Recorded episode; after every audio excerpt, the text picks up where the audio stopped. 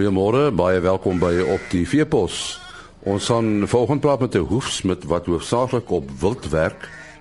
Dan is daar 'n gesprek met Dr. Dani Oudendal van die Veearts netwerk oor die gifplante wat deesdae oral kop uitsteek. Ons het al in die program gepraat oor hoefsmede en uh, ons praat nou vanoggend met uh, Jacques de Klerk. Hy is 'n uh, hoefsmid en uh, hulle en dit is nou hy en sy vrou wat 'n veearts is die doen uh, hoefsmid werk. Uh, is dit nou op wild wat jy werk uh, Jaco? Op alles wild perde beeste. Dis ek nou jy weet een ding om op beeste en perde te werk maar 'n ander ding op wild. Hoe gaan julle te werk? Uh, ons uh, my vrou is ons veearts so ons die wild word neergesit gepeil neergesit en dan werk ons met die voete hoekom is dit nodig om wild se se hoewe te doen want uh, uh normaalweg in die natuur word nie gedoen nie, nê? Nee. Uh wild word deesdae veral hierdie eksotiese wild word deesdae in klein kampies aangehou. So hulle voete sluit nie af nie en hulle staan baie van hulle staan maar meeste van die dag by die voerbakke. So hulle loop nie eintlik en hulle voete daar's nie slytasie op hulle voete nie. Nou verduidelik vir ons die proses. Jy sê hulle word gepyl en en hoe gaan jy dan te werk? dan gaan lê hy mos want hy is nou onder uh, narkose om om dit uh, makliker te sê. So dan dan kan hy maklik werk. So hy lê op die draai op sy sy en dan knip hy maar die voete, die kloue. En hoe lank duur so 'n proses? So 5 minute. Dit neem seker langer om die dier onder te kry as wat dit neem om die hoes met eh, die hoes met werk te doen. Ja, gewoonlik as hulle gepyl word, dit vat so 6 tot 7 minute vir 'n die dier om om om grond toe te gaan. En uh die frekwensie, hoe hoe weet 'n mens wanneer uh, jy weet 'n mens aan die wildse hoewe moet werk? Kyk, die ouens, die wild is gewoonlik mak. Hulle is nie daai tipe wild is nie baie uh, wild so die mense te hoog op hulle as hulle kos uitgooi en so dan kan hulle sien as hulle kom eet ehm um, die kloue is lank. En en watter wildspesies werk julle meestal mee? Swart witpense, baste gemsbokke, buffels, uh rooibokke, bosbokke, nyalas. En wat van kameelperde? Nee, kameelperde is nog nie so uh, kameelperde is deesdae maar buite, so hulle loop en hulle hulle kloue slyp af. As jy mens nou so aan die wild werk, hoe verskil dit van byvoorbeeld perdehoewe? Kyk, 'n perd se maak ding, jy tel sy voet op en jy sit hom tussen jou bene en jy werk aan sy voet. As hy hoef. En, en daardie hoef self, lyk hy anders as die van 'n bok, die van 'n perd? Kyk, 'n uh, bok is 'n gesplete hoef en 'n uh, 'n 'n perd is 'n uh, uh, een blou een hoef dier. Dis er nog nie nodig om om hoefeisters aan te sit dan wild nie, nê? Nee, nee net daai een probleem wat ek gehad het met daai is uh blauwele bees, hy goue blauwele bees wat daai klou afgetrek het en daai swart wit pens wat sy klou afgetrek het. En jy moet jy 'n uh, uh, eister aan sit my moes 'n eister aansit om die om die deel te beskerm wat wat wat afgekom het. So ek het 'n eister aan die gesonde kant gesit. 'n Vol eister soos wat jy vir 'n perd gaan aansit. Ehm um, en dan het, het hy op die die die deel wat nou seer gekry het, het hy op die eister geloop aan die ander kant. So dit het hom net beskerm dat daai deel wat die klou afgekom het nie aan die grond raak nie. En die eister die bly nou daar. Hy bly daar vir so 6, 7 weke en dan word hy weer neergesit want die ander kant groei. Jy verstaan? Ehm um, omdat hy nou beskerming onder het en hy het nie slytasie op hy ander klou nie, groei hy.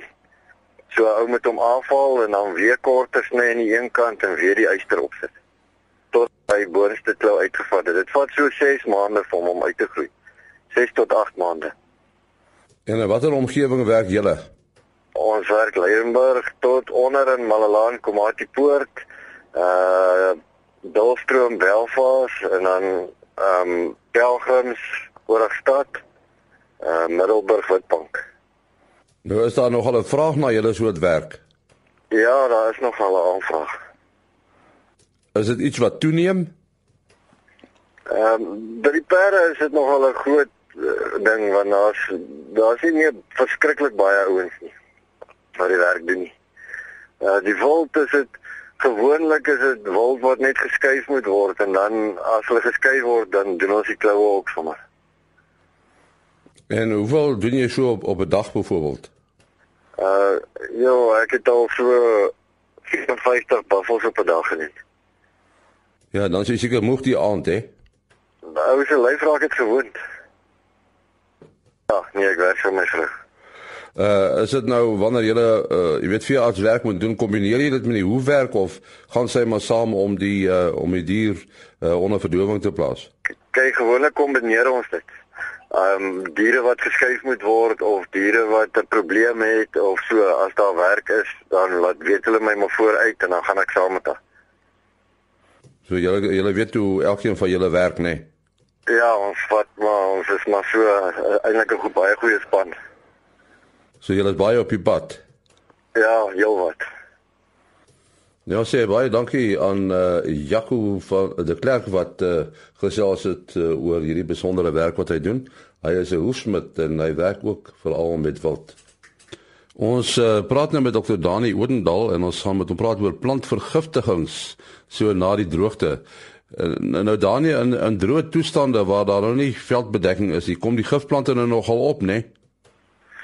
Ja, kyk, gifplante is so 'n onkruid uh as die grond versteur was en daar's nie kompetisie van gras nie, is hulle een van die eerste goed wat opkom. Dit daar's een ding wat die boere moet besef, daar's net so ongelooflik uh groot hoeveelhede gifplante. En uh, as ons van gifplante praat, is nie een siekte nie. Daar's gifplante wat die senuweestelsel en brein aantas. Daar's spesifieke gifplante wat die lewer aantas. En dan's daar ander gifplante soos selfs die areas waar daar nou vinnig reën was en welige groei is uh wat blou suur veroorsaak. Nou elkeen van hierdie gifplante en die behandelings is anders. Uh boere wil baie geneig wees en ek sien daar Facebook het so uh stukkie wat hulle oorskryf altyd dieselfde behandeling gebruik vir alle gifplante en dit is net onmoontlik. Die eerste wat ou besef is dat Fiat 'n omgewing, veral as hy 'n paar jaar daar is, ken die gifplante baie goed. Want ons daar's 'n groot verskeidenheid soos ek sê.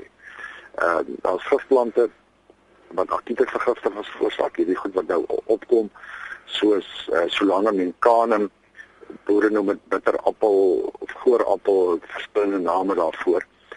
Dit is 'n ding wat beeste en skape en selfs perde nie sommer sal eet nie maar baie ouens probeer nou bale maak vir die vir die winter uh om daai voer te te stoor. As daai gifplante in die bale ingesny is dan sal diere makliker eet as wat hulle weet sal eet op die veld. Hulle sal wel op die veld eet as daar niks anders te beskikbaar is nie. So die eerste ding wat boere na moet uitkyk is enige verandering in in die diere. En soos ek altyd vir boere sê ons vat altyd die eerste die koers in meeste of baie van die vergiftigings is daar gewoonlik nie koors initieel nie behalwe as die vergiftiging is soos 'n organofosfaat wat spierrukkings veroorsaak wat dan die koors opstoot. Maar dit is een van die eerste goed om dit onderskei van infeksieuse aansteeklike toestande waar bakterieë en virusse betrokke is. Dis om net te kyk of daar koors is of nie. Uh as daar nie koors is nie, 'n hele klomp virus aangetast. Dit is altyd beter om die veearts te kontak. So ek sê ek ken die plante in die omgewing. Uh die plante wat senuweevergiftiging veroorsaak kan gewoonlik baie vinnig behandel word met geaktiveerde koolstof.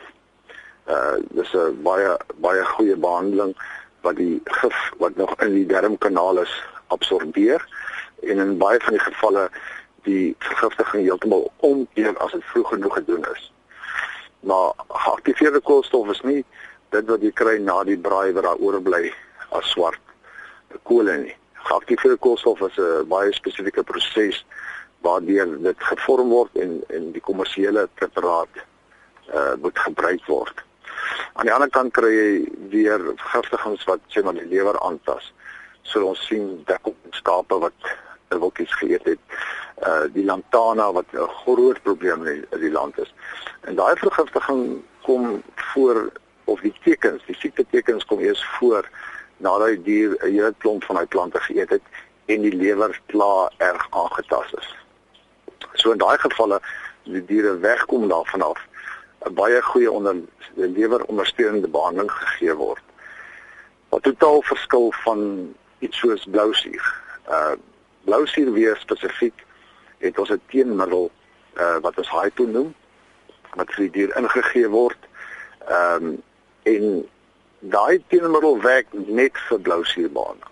Boere wil dit normaalweg gee vir alle vergiftigings, maar hy werk net vir blousuurbane. So die die kort en lank is daar's verskriklik baie vergiftigings. Boere moet met hulle veearts praat. Uh dit wat by ander boere in dieselfde omgewing voorgekom het binne in die laaste maand sal die veearts van bewus wees. Uh ek sou eintlik sê in sekere van die gevalle moet daar vroeë waarskuwing uitgestuur word as 'n hele paar gevalle gesien word. En dis ook waarvoor ons siekte rapporteringsstelsel gebou is is om eintlik hierdie vergiftigings wat per streek plaasvind te kan optel sodat boere ingelig kan word. Uh want gewoonlik word 'n baie groot hoeveelheid diere aangetast wanneer hulle aangetast word. En kry julle nogal van hierdie uh rapporterings van giftige plante? So ja, rapporterings van giftige plante. Ons het ons veeartskongres uh, twee weke terug gehad waar ons hopelik meeste van die veeartse gekry het om uh, die selfoon applikasie te begin gebruik sodat ons nie wag vir die einde van die maand voor ons 'n siekte rapporteer nie maar wat dit gerapporteer word soos dit voorkom ten einde uh 'n vroeë waarskuwing te kan uitstuur. Op hierdie stadium is dit beste dat die boere dit skakel. Hy sal dadelik weet van vergiftigings wat in die omgewing voorgekom het ehm um, so ek sê hierdie goed gebeur nie in isolasie nie. As jy een sien en die volgende dag nog een sien van dieselfde soort, moet jy maar weet dit gaan 'n probleem wees in 'n spesifieke area. En as baie siektes en ek of vergiftigings wat ek kan noem soos inkbesie uh eh, spesifiek wat besig is om verskriklik baie uit te brei lantana. Maar jy moet hierdie plante ken. Fiats kan vir jou beskryf, jy kan vir 'n foto stuur. Ehm um, die groot ding is dan moet kontak wees met die fiats op die grond want daar is 'n reuse klomp plante wat op die oomblik 'n probleem is. Uh en die veld ken dit want hy het te doen daarmee elke dag in sy omgewing. Baie dankie Dr. Dani Woodendal. Hy is die direkteur van Veearts Netwerk. Dani, jou telefoonnommer? Uh my telefoonnommer is 0824540532.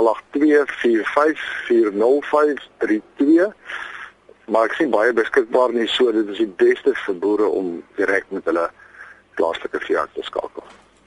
daarmee die einde van die program. Ons is maandagooggend om 4 voor 5 weer terug. Tot dan, mooi loop.